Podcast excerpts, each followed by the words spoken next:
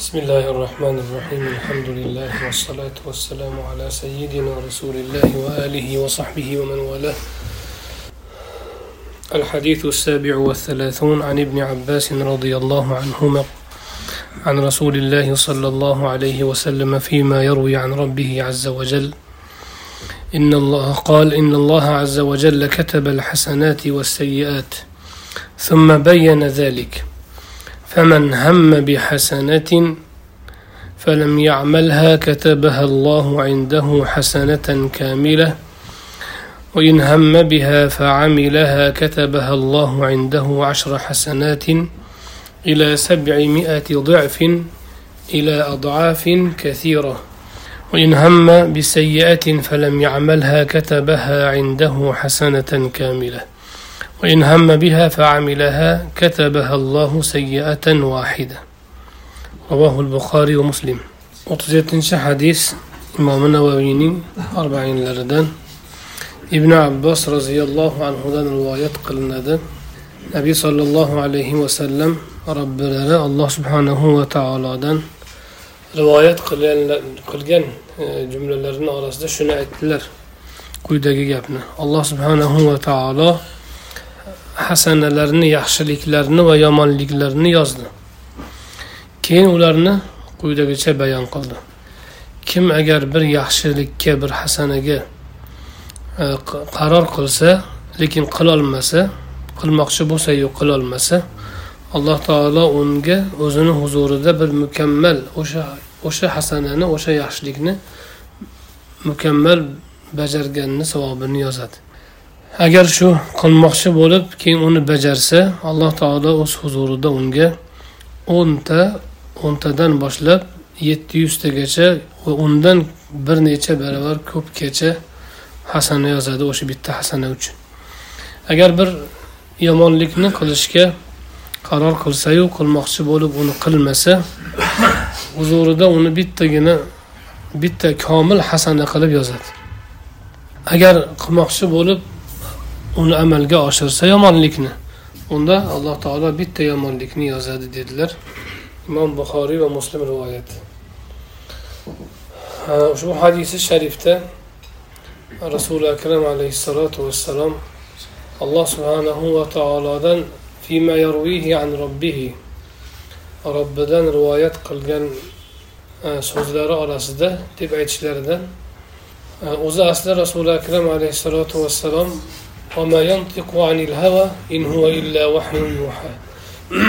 havodan shunchaki nafs istagidan kelib chiqib gapirmaydilar.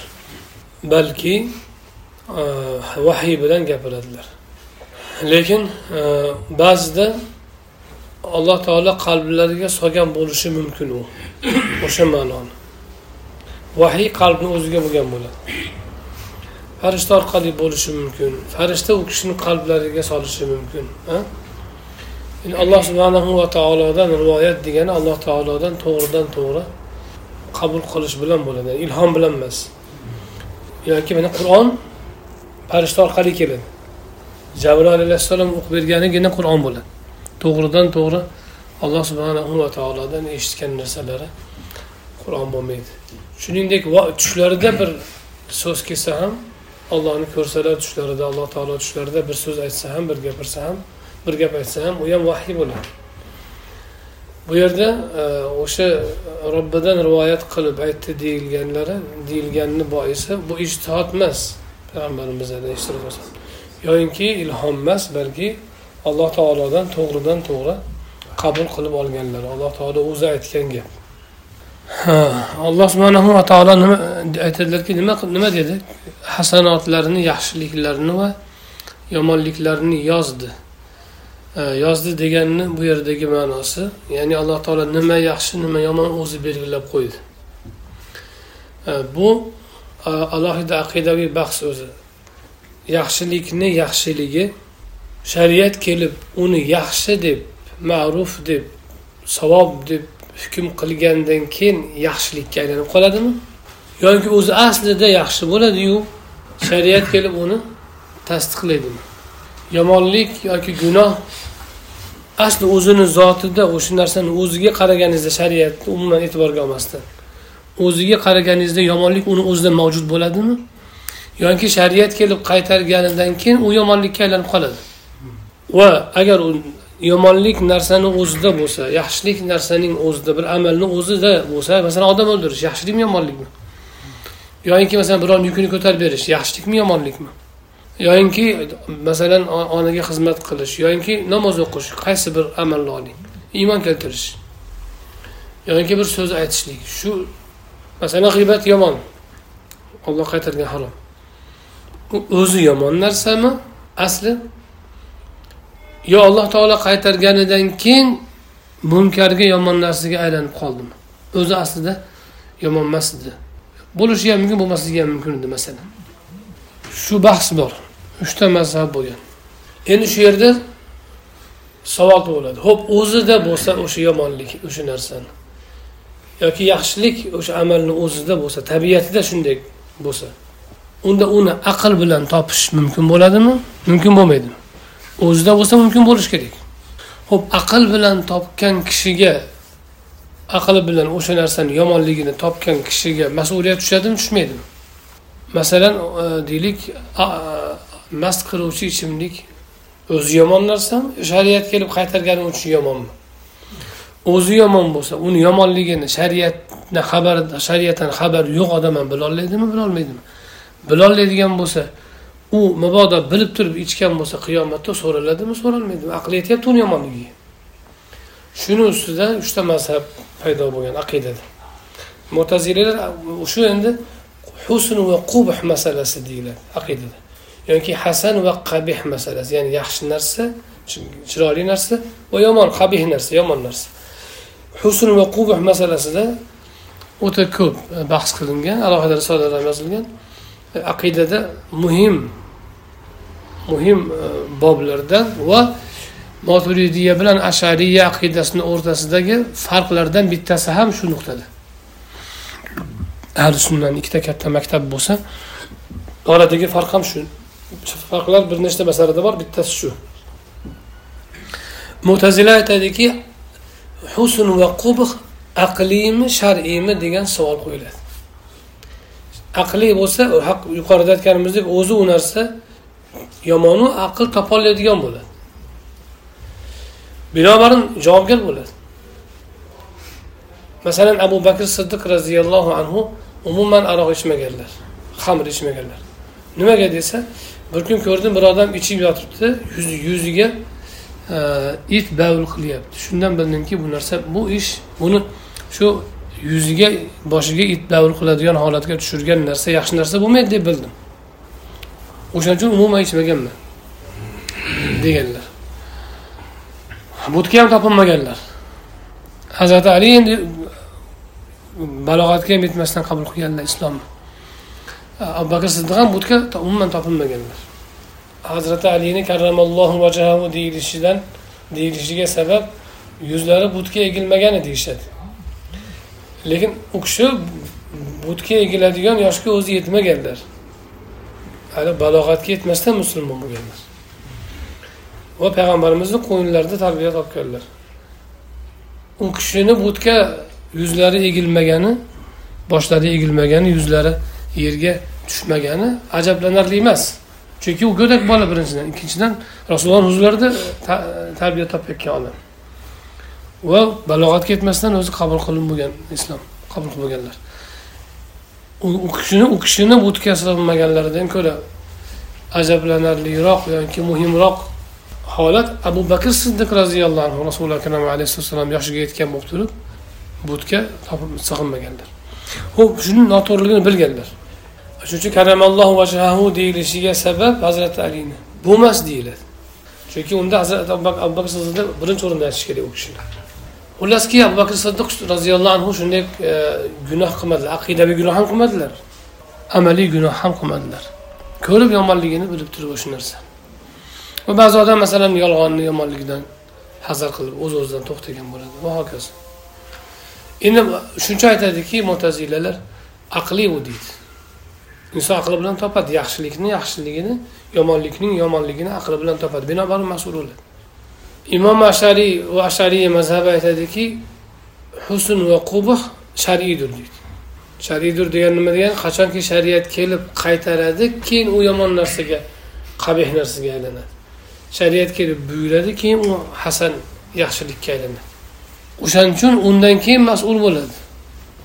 Shariat kelmagan odam masalan sahoba ikromlarga hali aroq qilib harom qilinmay turib musulmon bo'lib turgan hollarida xamir ichishardi o'shanda ular gunohkor bo'lganmi? Yo'q. Chunki shariat kelib qaytarmaganda deydi moturidiylar o'rtadagi yo'lni tutadi. Aytadilarki asli bir narsani yaxshiligi yomonligi asli uni tabiatida bo'ladi aql uni idrok qiladi. Masalan bexosdan kelib birovni bir shapaloq urishlik e, zulm va uni u narsani yomonligini hamma biladi. O'g'rilikni yomonligini biladi. Lekin oxiratdagi mas'uliyat shariat bilan sobit bo'ladi. Shariat kelib harom qilib shariat kelib e, hasan qilib yoki qabihlikka buyur o'tkazmay turib shariat qaytarmay turib qabih bo'lmaydi. Shariat buyurmay turib hasan bo'lmaydi oxiratni mezonida shuning uchun u odam mas'ul bo'lmaydi. Shuning uchun u odam oldingi shariat kelmay turib bir qabihlikdan qaytgan bo'lsa u odam musulmon emas. Shariatga amal qilib qilish nuqtai nazaridan emas tabiatni aqli bilan qildi. Yaxshi inson lekin ajr olmaydi. Chunki buyruq va qaytariqdan kelib chiqadi ajr. Buyruq va qaytariq hali kelgani yo'q. Endi kelgan e, kelmay turib bir kishi qilgan bo'lsa tabiatdan kelib chiqib qilgan bo'ladi. Masalan hozir ham bor odam masalan deylik shariatni e'tiborga olmaydi shunchaki sigaret chekmay qo'yaveradi yoki aroq ichmay qo'yaveradi o'zi yoqtirmaydi aslida. U odam shu narsaga alohida ajr oladimi? Olmaydi. Yaxshi ish qilgan bo'ladi yomon ish qilmagan bo'ladi. Endi bir kishiga shariat yetib bormadi. Masalan islomni bildiyu lekin masalan falon narsani haromligini bilmadi. Masalan it go'shtini haromligini bilmadi. Yeb yuribdi yoki ilon go'shtini haromligini bilmadi yeb yuribdi. Qabihligi qabih. Aqli yetmagani noqisligi. Ammo javobgar bo'lmaydi.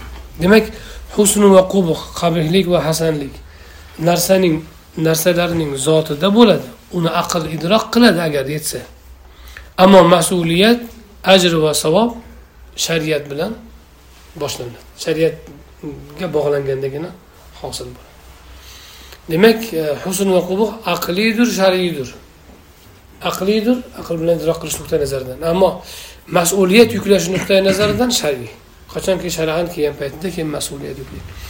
Endi alloh subhanahu va taolo hasanat va sayyoatni yozdi degani nima degan? Alloh taolo o'sha yaxshi yomon narsalarni belgiladi. Belgiladi mana bu narsalar yaxshiliklar bu narsalar yomonliklar deb o'zi yozib belgilab qo'ygan. U aql idrok etishligi unga xilof emas. Alloh taolo belgilagan belgilagan narsani aql idrok etishi mumkin.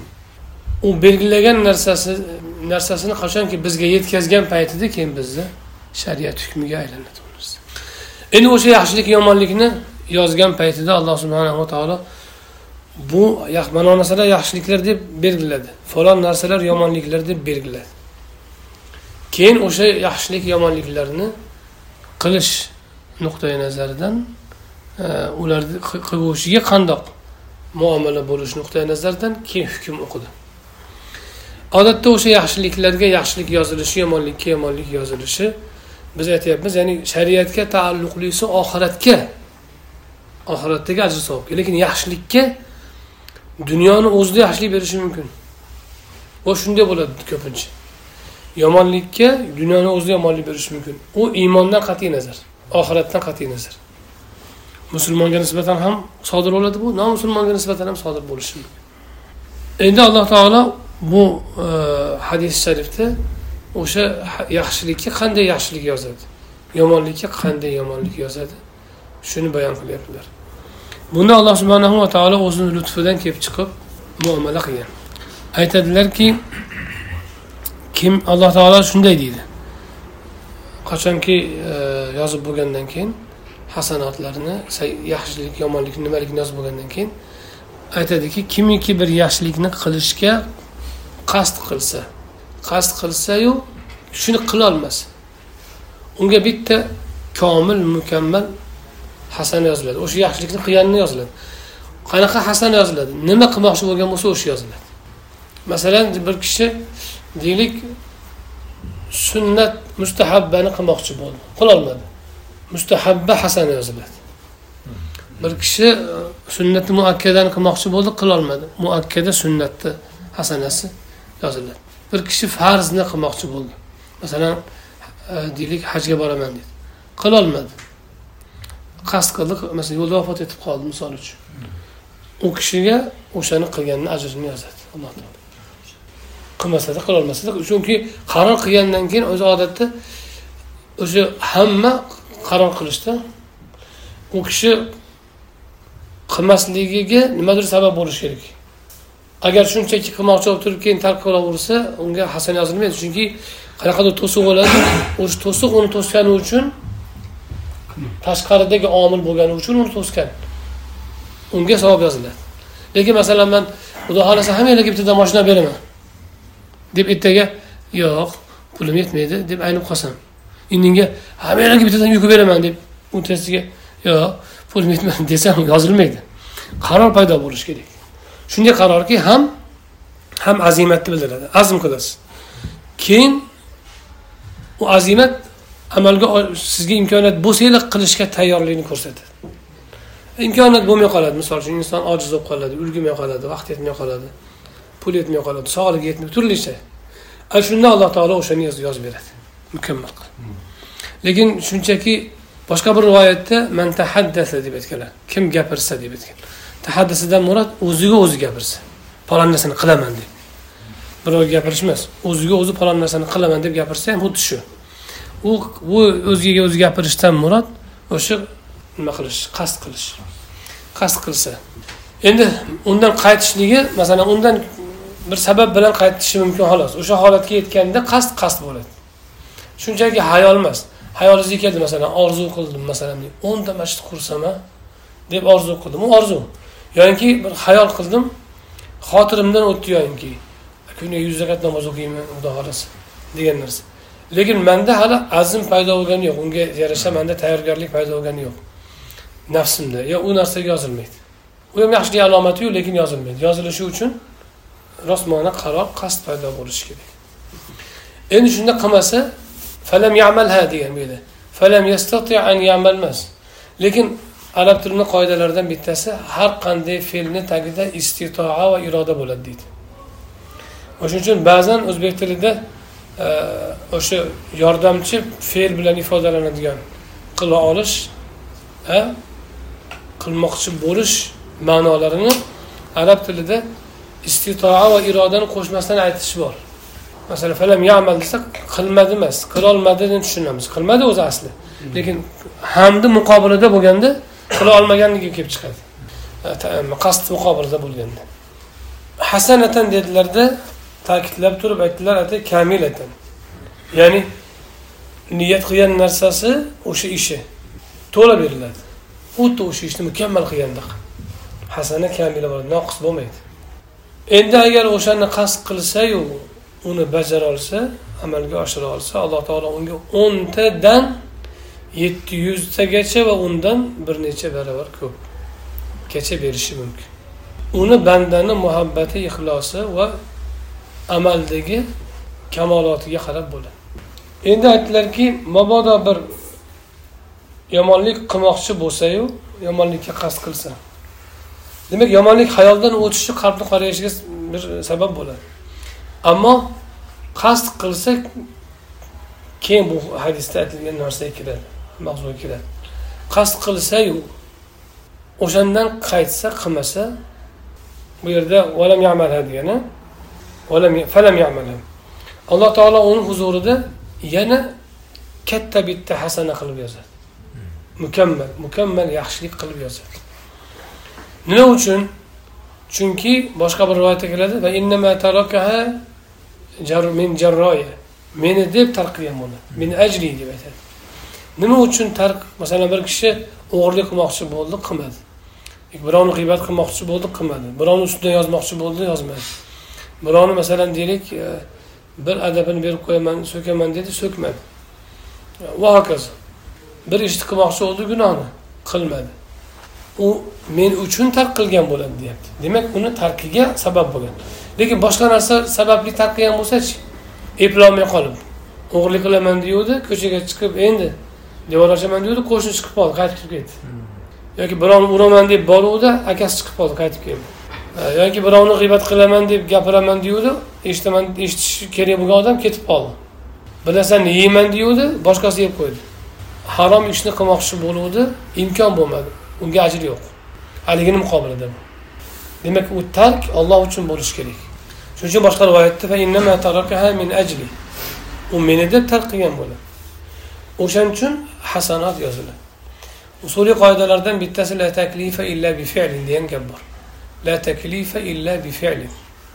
ya'ni taklif yo'q illo ish harakat bilan bo'ladi fe'l bilan bo'ladi. Nimagadir qanaqadir fe'l harakat bo'ladi albatta taklifda. Bir narsaga olloh buyurdimi yo qaytardimi taklif endi ham buyrug'ini ham qaytarani o'z ichiga oladi. Taklif ya'ni shariatda bir narsaga undalishi. Undov shariatni undovi qaytariq yoki buyruq bo'ladi. Albatta fe'lga taalluqli bo'ladi. Biror ishga taalluqli bo'ladi. Shunchaki fe'lga taalluqsiz taklif yo'q. La taklifa illa bi fi'lin shunda ulamolar savol qo'yadiki qaytarsachi masalan? Bir biringizga g'iybat qilmang dedi. Bir odam masalan band bo'lib yuribdi boshqa ishlar bilan g'iybatga o'zi vaqti yo'q. U odam g'iybat qilmanglar degan so'zga amal qilyaptimi? Ya'ni undan g'iybat qilmaslik hosil bo'lyaptimi? Hosil bo'lyapti g'iybat qilmayapti. Ho'p u odamga ham ajr u odam fe'l qilmayapti hech narsa u odam biror narsa bajarayotgani yo'q chunki g'iybat qilmaslik shunchaki bir ishni qilmaslik xolos. Qanaqadir bir ishni bajarish emas u tark bajarish emas degan savol qo'yishsa javob beriladiki fe'ldan murod faqat a'zolarni fe'li emas. Ya'ni qalbda g'iybat qilishga azm tug'ilsa qasd o'shani qaytarsa ichki faoliyat yuzaga keladi. Nafsni fe'lini qaytargan bo'ladi. Nafsni istagani qaytarishdan bitta fe'l bitta ish u ham. O'sha nuqtai nazaridan o'sha fe'lga taklif taalluq topgan bo'ladi. Demak e, shariatni birorta hukmi yo'qki taklifi yo'qki fe'lga taalluqli topmagan bo'lsa albatta fe'lga taalluq topgan.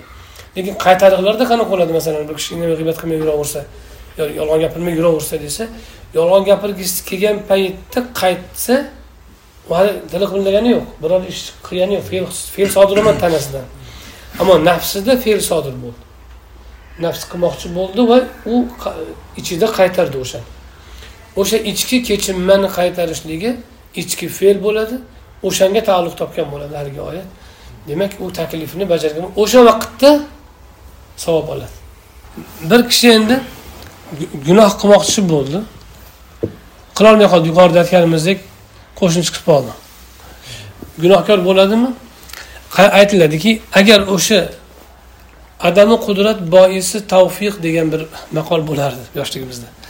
Adami qudrat boisi bir odam ba'zida tavfiqqa kelib qoladi yaxshi odamga o'xshab. Nimaga desa kuchi yetmay qolgandan bo'ladi. Bir narsani ayblanmasa haligi o'g'ri qarasa so'pib degandek o'g'irlik qilolmagandan keyin chiqib olsan aytadi. O'sha e, so'pib degan anaqa ma'noda e, zohirda o'zini ko'rsatish ma'nosida o'sha holat bo'lsa masalan bir kishi g'iybat qilmoqchi bo'luvdi telefon uzilib qoldi telefonda yomonlamoqchi edi birovga. Shabaka yug'ib qoldi set yug'ib qoldi. Gunohkor bo'ladimi? Gunohkor bo'lmaydi. Lekin gapirmoqchi edi. Keyin xayoliga keldiki odamlar meni g'iybatchi dermikin dedi. Qaytdi gunoh kabira bo'ladi. Chunki fuzal ibn yozayotganlaridek e, ollohdan boshqa uchun amal qilish shirk bo'ladi. Ollohdan boshqa uchun tark qilish riyo bo'ladi deyishgan. Ba'zilar aksini aytsa ham bo'ladi deyishadi. Ya'ni siz masalan man bir urmoqchi edim birovni. Yoki birovni so'kmoqchi edim. Og'zimga xunuk gap kelayotgandi so'kaman o'zimga qolsa so'kardim o'sha odam o'zi bo'lsa. Lekin yonimda boshqa odam ham turibdi. Meni hurmat qiladigan odam. U narigi odam o'zi bo'lsa so'kaverardim haqorat qilib. Lekin yonimda turgan odam meni hurmat qiladi men taqvoli odam deb o'ylaydi. Man endi hozir uni so'kib qo'ysam haqorat qilib qo'ysam buni yonida taqvosiz bo'lib qolamanda. Keyin to'xtayman. Shu holat nima desa shu harom shu shu odam gunoh kabira qilgan bo'ladi ya'ni olloh uchun tark qilmasdan boshqa uchun tark qilishlik. Shuning uchun ilgari ham aytilgan alloh subhanahu va taolo payg'ambarlardan biriga vahiy qilib aytgan.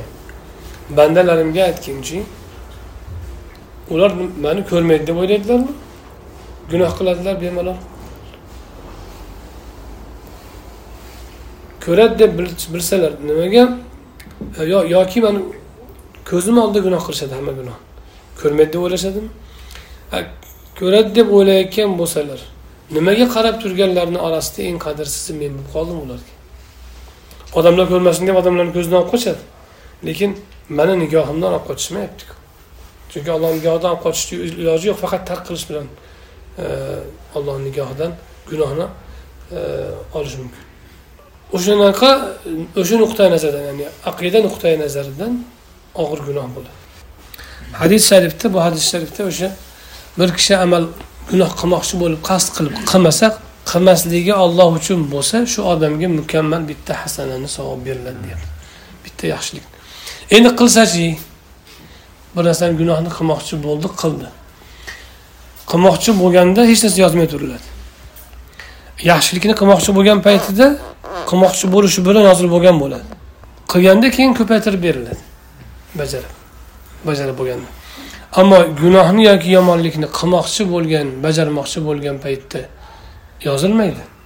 Qilgan paytida bitta yomonlik yoziladi. Ta'kidlash uchun e, sayyatan vahida deb vahida o'zi sayyatan degani bitta yomonlik desa ham sayyatan desa ham bitta yomonlik degani bo'ladi. Vahidatan deb ta'kidlashini boisi bittagina deb ta'kidlamoqchi. Bittagina yomonlik yoziladi.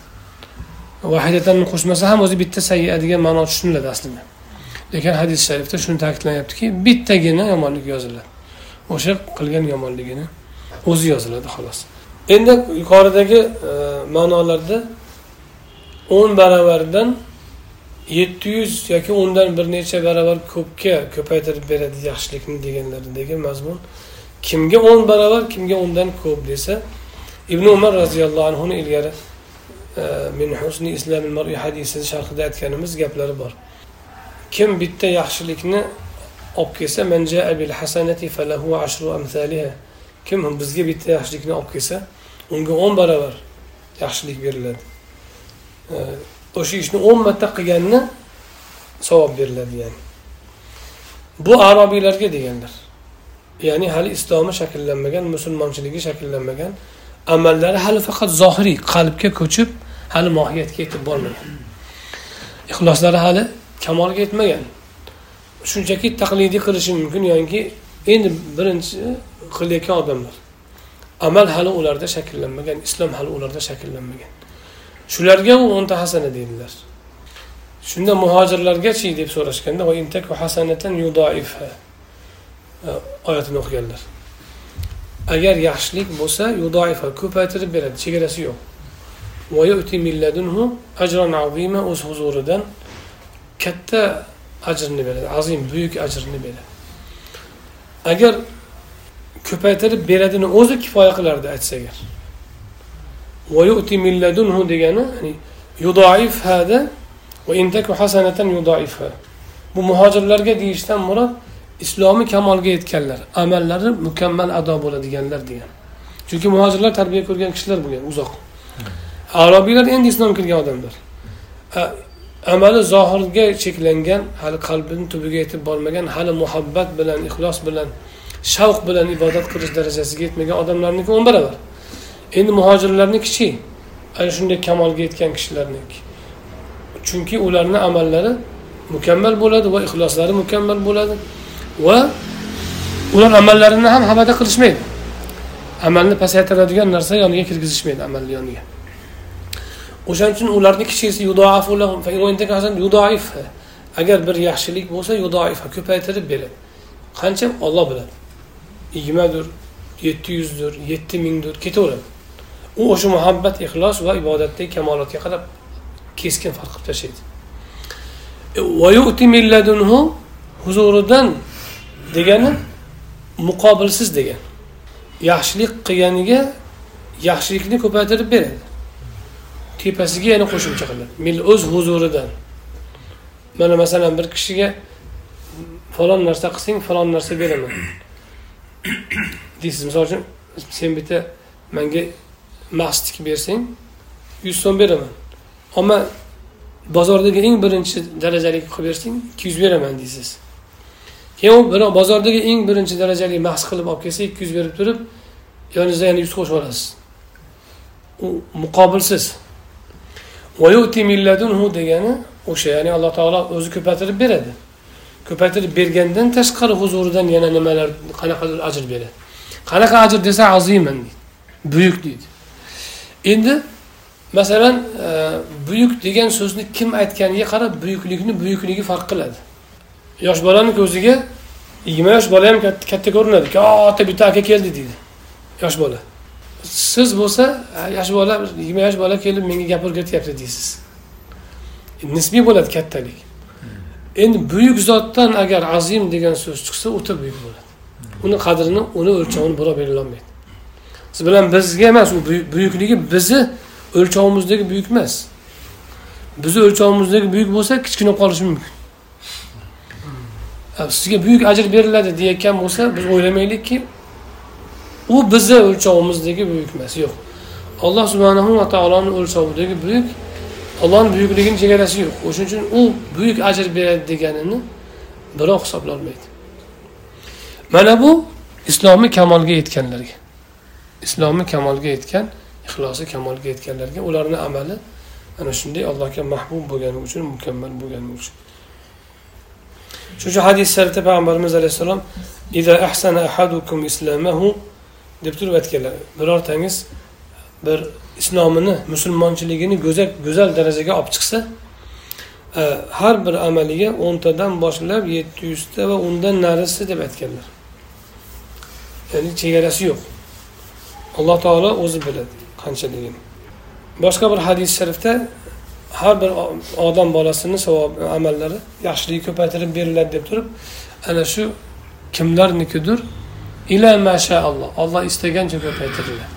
Ya'ni uni e, chegarasini yetti yuzta yetti mingta deb aytolmaymiz bir kishi bir tuya hadya qildi jihodga. Yo rasululloh allohni yo'lida shu tuya mandan tortiq bo'lsin. Fisabilillah shunda rasuli akram alayhissalotu vassalom senga qiyomatda buni muqobilida yetti yuzta tuyani savobi bor dedilar. Demak u kishini ixloslari ana shunday mukammal bo'lgan ekan. U kishidan ham komillari kelsa undan ham ko'payib ketadi. Chegarasiz ketaveradi. Boshqa bir hadis shariflarida aytdilarki namoz ro'za va zikr dedilar.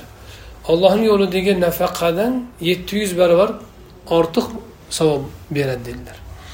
Hop qaysi namoz qaysi ro'za qaysi zikru qaysi nafaqa u? Solishtirilayotgan bu yerda namoz ro'za yoki e, zikrning nafaqadan baland bo'lishligi nimada? Desa o'zi asli hamma amallarni negizidagi narsa alloh subhanahu va taologa aloqa tiklash ollohni zikr qilish alloh taologa taslim bo'lish alloh taologa tazarru qilish talpinish yolvorishdan iborat ibodatning mag'zudir yoki muh deb iligda aytadi. Iligidir degan bo'lsalar o'sha nima duo qaysi duo ibodatni iligi bo'ladi? Yoki adduo hiyal huval ibada. Duo u ibodatni o'zi o'sha duodir degan bo'lsalar qaysi duo? Masalan namoz o'qiyotgan bo'lsak subhanakallohummadan boshlab oxiriga borganda robbana atina namozni iligi bo'ladimi nima u? Qaysi duo u? Qaysi ibodatdagi qaysi duo? Yoki duo nimasi bilan ibodatni iligiga aylanadi desa ma'nosi shuki ibodat bu tanani harakati ubudiyat tanani bo'ysunishi shariatga ibodat deyiladi. Qalbning taslim bo'lishi va muhabbat bilan o'zini quyi tutishi allohni hukmiga bu ubudiyat deyiladi endi shu ubudiyatdagi talpinish alloh taologa bo'lgan yolvorish iltijo ruhi duo deyiladi. Duo qalbni ishi bo'ladi. Shuning uchun duo boshqa talab boshqa deyiladi. Zikr namoz ro'zalardagi fazilat nafaqadan shu nuqtada bo'ladi. Agar nafaqada ham zikr bo'lsa qani? Lekin nafaqani zohir nafaqani o'zidan chunki u ham asli zikrni bitta talpinishni bitta ifodasi edi o'zi asli. Ammo bu talpinish yolvorish tazarru namozda zikrda ko'proq ko'ringani uchun nafaqadan savobi ko'p deganlar. Lekin nafaqada o'sha ruhiyat bo'lsa uni ham ajri ko'p bo'ladi. O'shanaqani ketaveradi chegarasiz. Hadislarni bir biriga zid tushunib qolmasligi uchun bu narsalarni aytib yana bir hadis shariflarda aytdilarki kim alloh subhanahu va taoloni yo'lida bir nafaqa qildi qo'shinga g'azotga. Lekin o'zi uyda o'tirdi. Uyda o'tirdi chiqmadi. G'azotga qanchadir e, hissasini qo'shdi moliyaviy qurollanishga boshqaga. Aytdilarki har bir dirhamiga yetti yuz barobar beriladi. O'zi ham chiqsa dedilar o'sha g'azotga nafaqasi bilan birga. Har bir dirhamiga yetti yuz ming beriladi dedi demak banda birovga bir sadaqa qilish bilan birga qo'shimcha jismoniy harakat ham qilsa o'zini ham hissasini qo'shsa masjidga pul beryapsiz. Borib o'ziz ham ishlasangiz yoki bir ustozga birov masalan hadya qilyapti. Borib xizmatini ham qo'shib qilsa misol uchun yoki bir kambag'alga yordam beryapsiz. Masalan uyini qurishiga.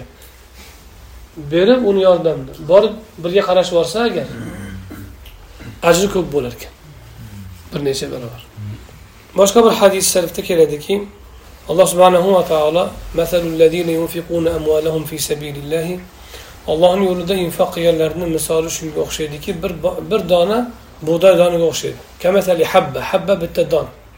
Yerga ekildi undan dondan o'simlik chiqdi. Har bir boshog'ida yuztada yettita boshoq har bitta boshog'ida yuzta yuztadan yana don bor.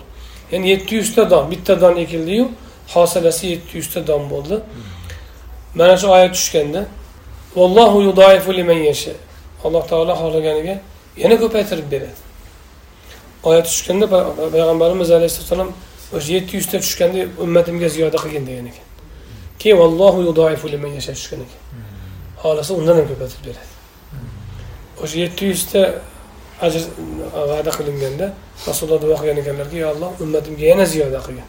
Shunda alloh taolo allohu yudoifu davomini tushirgan ekanki alloh xohlaganiga undan ham ko'paytirib beradi yuqorida aytganimiz shartlar bilan.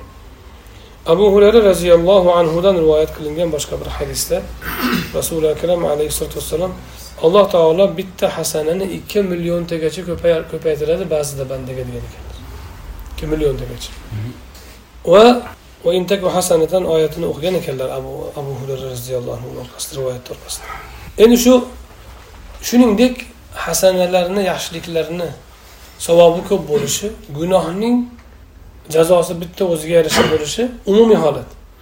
Ammo ba'zan gunohning iqobi kuchayishi mumkin ba'zi bir zamonga yoki makonga qarab hazrati umar roziyallohu anhu men makka mukarramada bitta gunoh qilganim boshqa yerda yetmishta qilganimdan yomon degan ekan. Shuningdek haramda o'tirib gunohni niyat qilsa ham gunoh yoziladi. Haramni xususiyati bilan. Yoki ramazonda ramazonda gunoh qilishlik boshqa oylardagi gunohdan ko'ra og'ir bo'ladi. Nimaga desa u yerda o'sha gunohni masalan deylik o'g'irlik qilma degan bo'lsa o'g'irlik qilish bilan qaytariqni qaytariqqa qo'l urish bor bir birinchi gunoh. Ikkinchi muqaddas yerda yoki muqaddas zamonda qilish bilan o'sha muqaddaslikni obro'sini to'kish hurmatini to'kish ham bor. O'shaning uchun uni ham gunohi alohida bo'ladi. U narigi yomonlikni gunohi ko'payib qolmaydi. U o'sha bitta o'g'irlik bitta o'g'irlik qo'yib qoladi.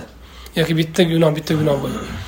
Ammo o'sha zamon muqaddas vaqt yoki muqaddas e, bir makonda qilinsa u yerni hurmatini to'kkan nuqtai nazardan hurmatini to'kish uchun alohida to'kkani uchun alohida yana gunoh ham olish bo'ladi inson. Lekin e, sayyani o'zi sayya bo'lib qoladi. Yomonlik bitta yomonlik bo'lib qoladi. Shuningdek ba'zan hasanotlar ham joyiga qarab turib ko'p bo'ladi. Masalan e, bir hadis sharifda aytadilarki bomdod namozidan keyin va shom namozidan keyin kimiki qiblaga qarab o'tirgan holatida o'sha namozdagi hay'atini o'zgartirmasdan la ilaha illalloh vahdahu la sharika lahu lahul mulk va lahul hamd yuhyi va yumitu va huva ala kulli shay'in qodirni o'n marta aytsa o'nta savob yoziladi o'nta gunoh o'chiriladi o'nta qul ozod qilganni ajrini oladi deganlar yoki o'n daraja ko'tariladi deganlar. Endi boshqa bir hadis sharifda keladi. Endi san'atda gap bor lekin qabul qilingan. Bir kishi bozorda bozorga kirar ekan bozor qilish uchun.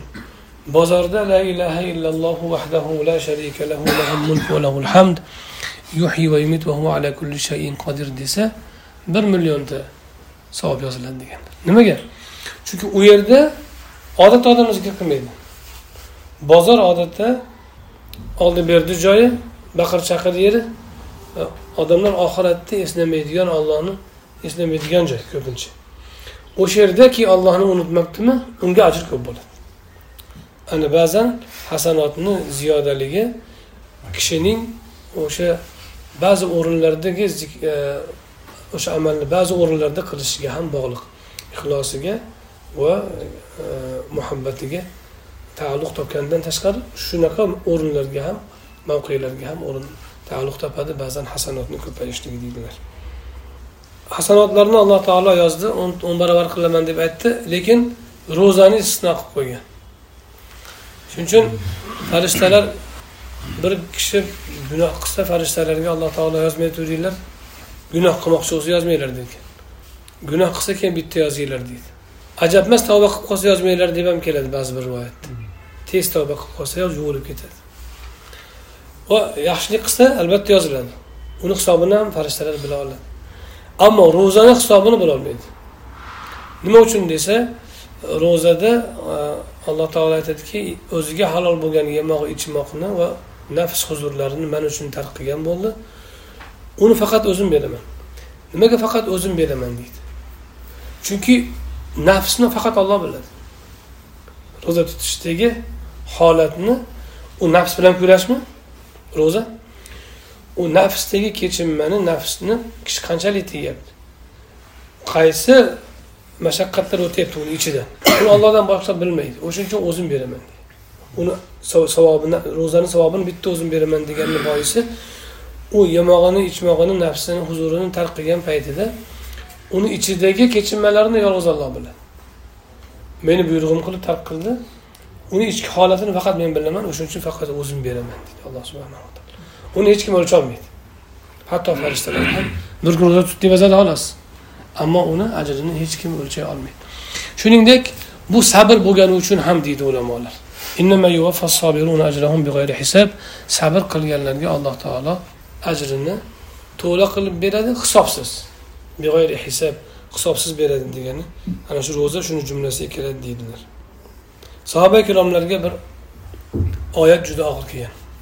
Baqara surasidan أعوذ بالله من الشيطان الرجيم وإن تبدوا ما في أنفسكم أو تخفوه يحاسبكم به الله فيغفر لمن يشاء ويعذب من يشاء والله على كل شيء قدير لله ما في السماوات وما في الأرض boshdan yeru osmon ollohniki ollohni bo'lganiga xohlaganini qiladi alloh taolo o'zini aytmoqchi bo'lgan sahobalarga qo'ymoqchi bo'lgan musulmonlarga umuman insonlarga qo'ygan e, E, shartlarini gapirar ekan oldindan qo'yishga haqqi borligini bildirib qo'yadi. Lillahi ma fis samavati va ma fil yer osmondagi hamma narsa ollohniki o'ziniki bo'lgandan keyin xohlagan hukmini chiqaradi. Orqasidan aytadi ma fi anfusikum. Ichingizda nafsingizda biror narsa bo'lsa shuni oshkor qilsangiz yoki uni yashirsangiz xoh yashiring xoh oshkor qiling olloh u bilan sizni hisob qiladi. U olloh har narsaga qodir. Qanaqa qilib ichimizdan o'tganini ham hisob qiladi deb o'ylamang qiladi. Qilolmaydi bilib turibdi qila oladi. Boshida haqdorligini e'lon qiladi. Oxirida qodirligini e'lon qiladi. Va o'rtada ichingizdan o'tgan narsani ham u tashqariga chiqaring xoh chiqarmang hisobini olamiz deydi. Sahoba ikromlarga juda og'ir kelgan shu oyat. Unda hech kim hech kimimiz najot topolmaymiz yo rasululloh. Yig'lashga tushdilar tavba tazarruga tushdilar o'ta ham qattiq. Shunda alloh taolo ularga yengillik yetkazdiki amana rasulu unzilani tushirdi payg'ambar iymon keltirdi muhammad alayhissalotu vassalom va u kishi bilan birga mo'minlar ham deb turib oyat davom etadida keyin la yukallifullohu nafsan illa usaha alloh taolo biror bir nafsni biror bir shaxsni o'zini toqatidan tashqari narsaga buyurmaydi. Deb keyin davomidan duoni o'rgatadiki la tuhammilna ma la toqata lana. Toqatimiz kuchimiz yetmaydigan narsani bizga yuklamagin. Bizdan oldingilarga yuklaganingdagi og'ir yuklarni bizga yuklab qo'ymagin. Deb duo qilinglar. Va kechirgin rahm qilgin deb duo qilinglar. Mavloyimiz o'zingsan deb duo qilinglar deb keyin alloh taolo o'rgatgan lekin nimaga oldingi oyatni tushirgan oldin va bir muddat o'tib keyin bu oyatni tushirgan desa alloh taolo shu rasuli akram alayhissalotu vassalom va u kishini ashoblarini kamolini istagan. Ularni o'sha yuqori darajaga ko'targan birinchi oyat bilan. Shu bilan birga haqqini ko'rsatgan xohlasam shu hukmni qilishim mumkin. Agar adolat bilan oladigan bo'lsam har bir narsa. Mana shu ichingizdan o'tganiga ham hisob olishimga haqqim bor. O'zini haqqini ko'rsatdi bandalar. Keyin afu qilganini ko'rsatdi.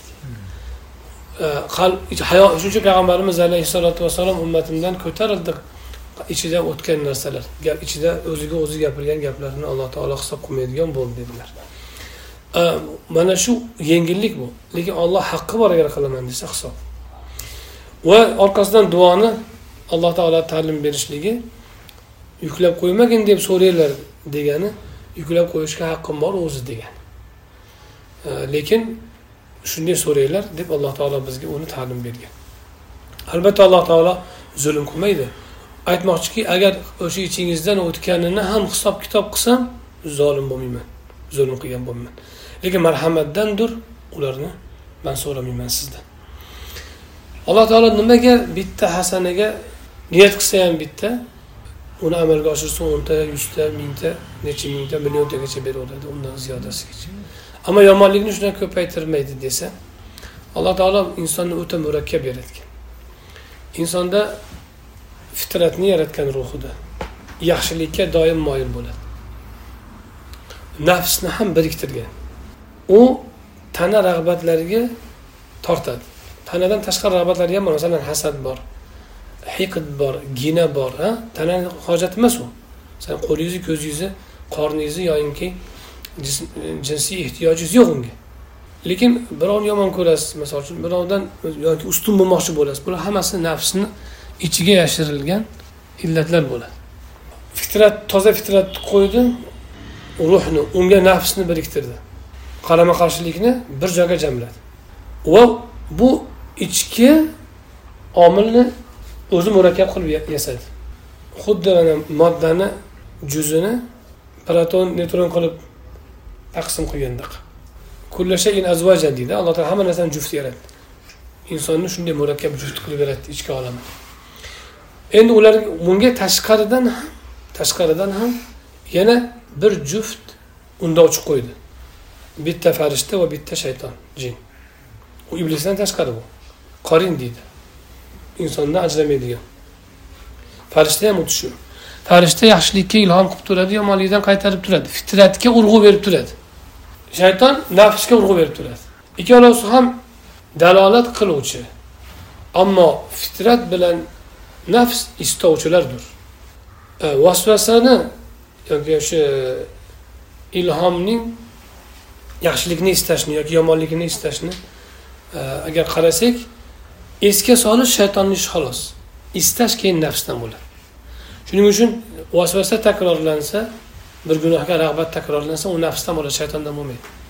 Shayton eslatadi qilmasangiz keyingisini eslatadi qilmasangiz keyingisiga vasvasa qiladi.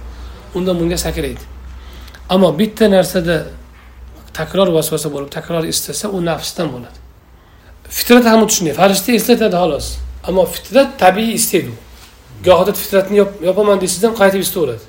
Fitratga qarshi ish qilaman desa ham insonni fitrati takror takror o'sha narsani vijdonim qiynalib ketdi vijdonim ko'tarmadi deydi ba'zi odam. Bir ishni qilmoqchi bo'ladi qaytib qaytib qilmoqchi bo'ladi vijdoni qo'ymaydi. Shayton eslatgan bo'ladi. Shayton mundayotgan bo'ladi yomonlikka.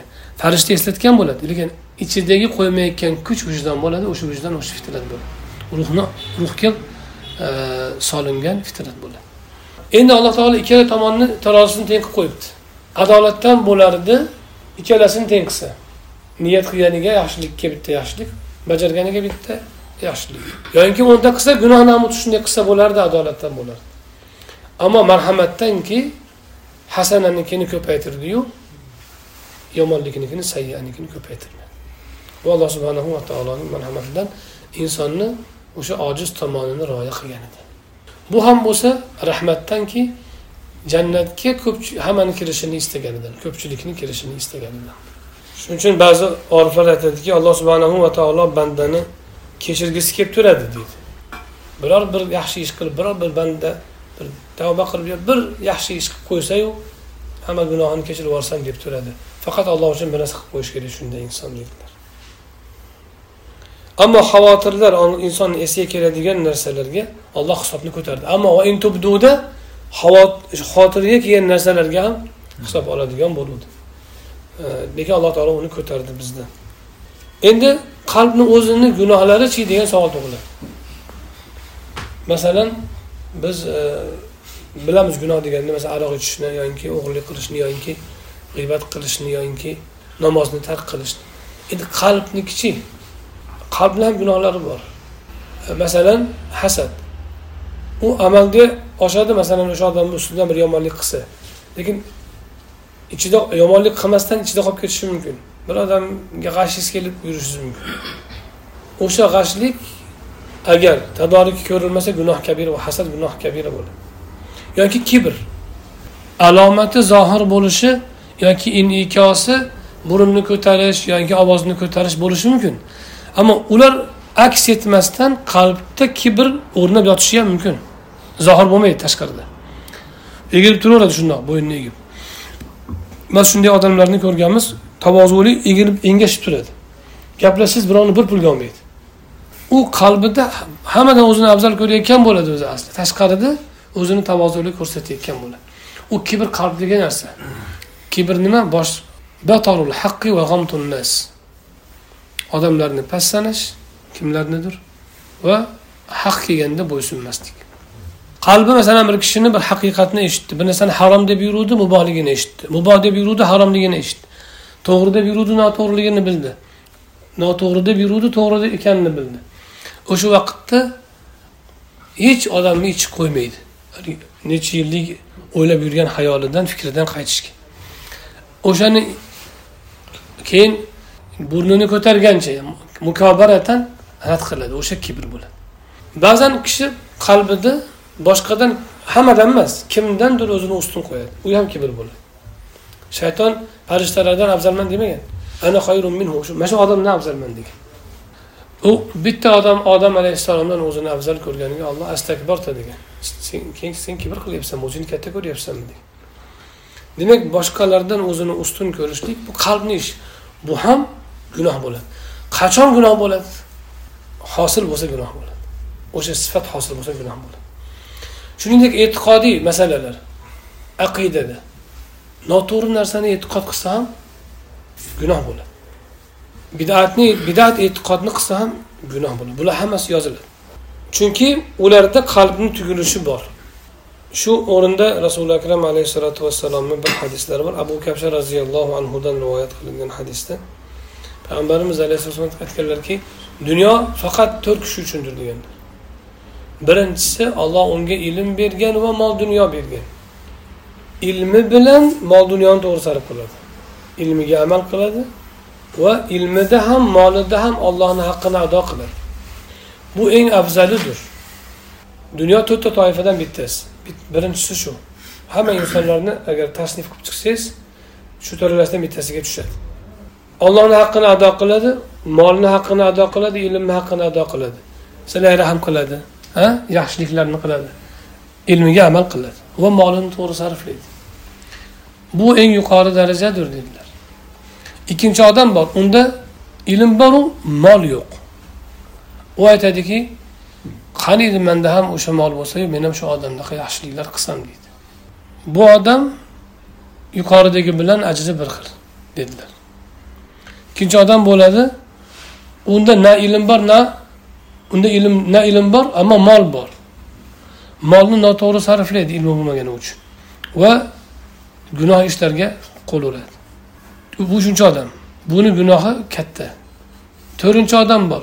Unda na ilm bor na mol bor. Ammo o'ylaydiki menda ham mana shunaqa katta pul bo'lsa men ham mana shunaqa maishatlarni qilsam deb orzu qiladi. Ikkalasi gunohda teng dedilar.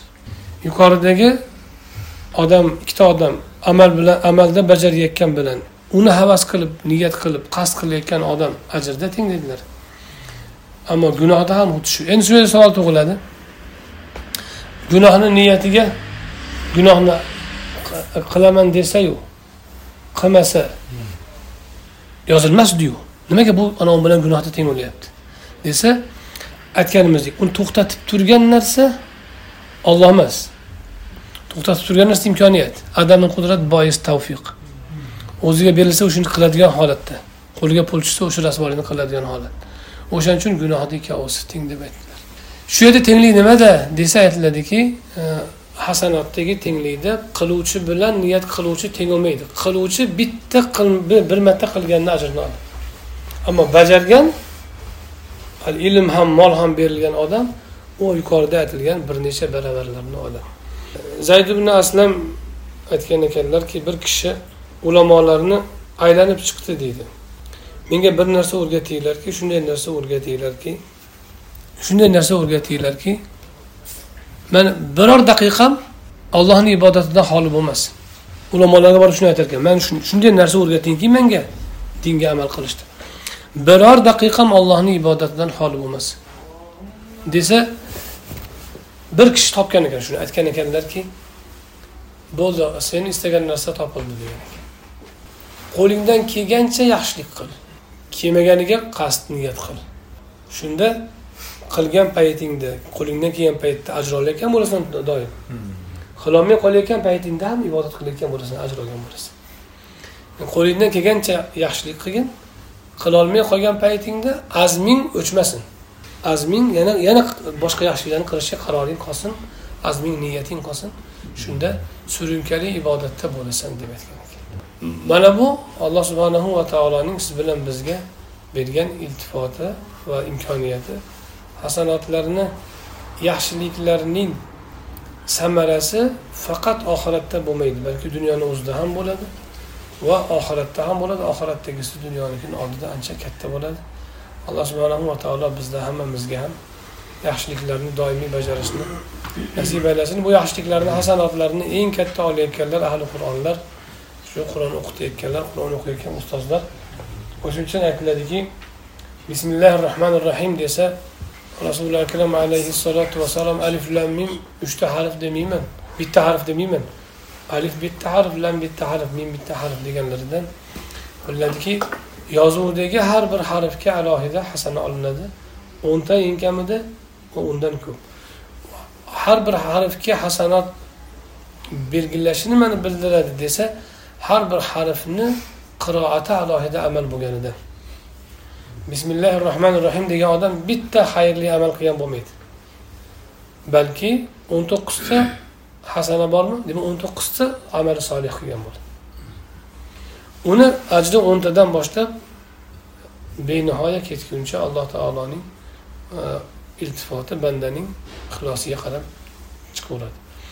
E, bu o'ta katta daraja beradi. Ya'ni alloh taoloni mulki kengligidan va cheksizligidan bu narsalarni hisobini o'zigina qilib oxiratda ato qiladi inshaalloh.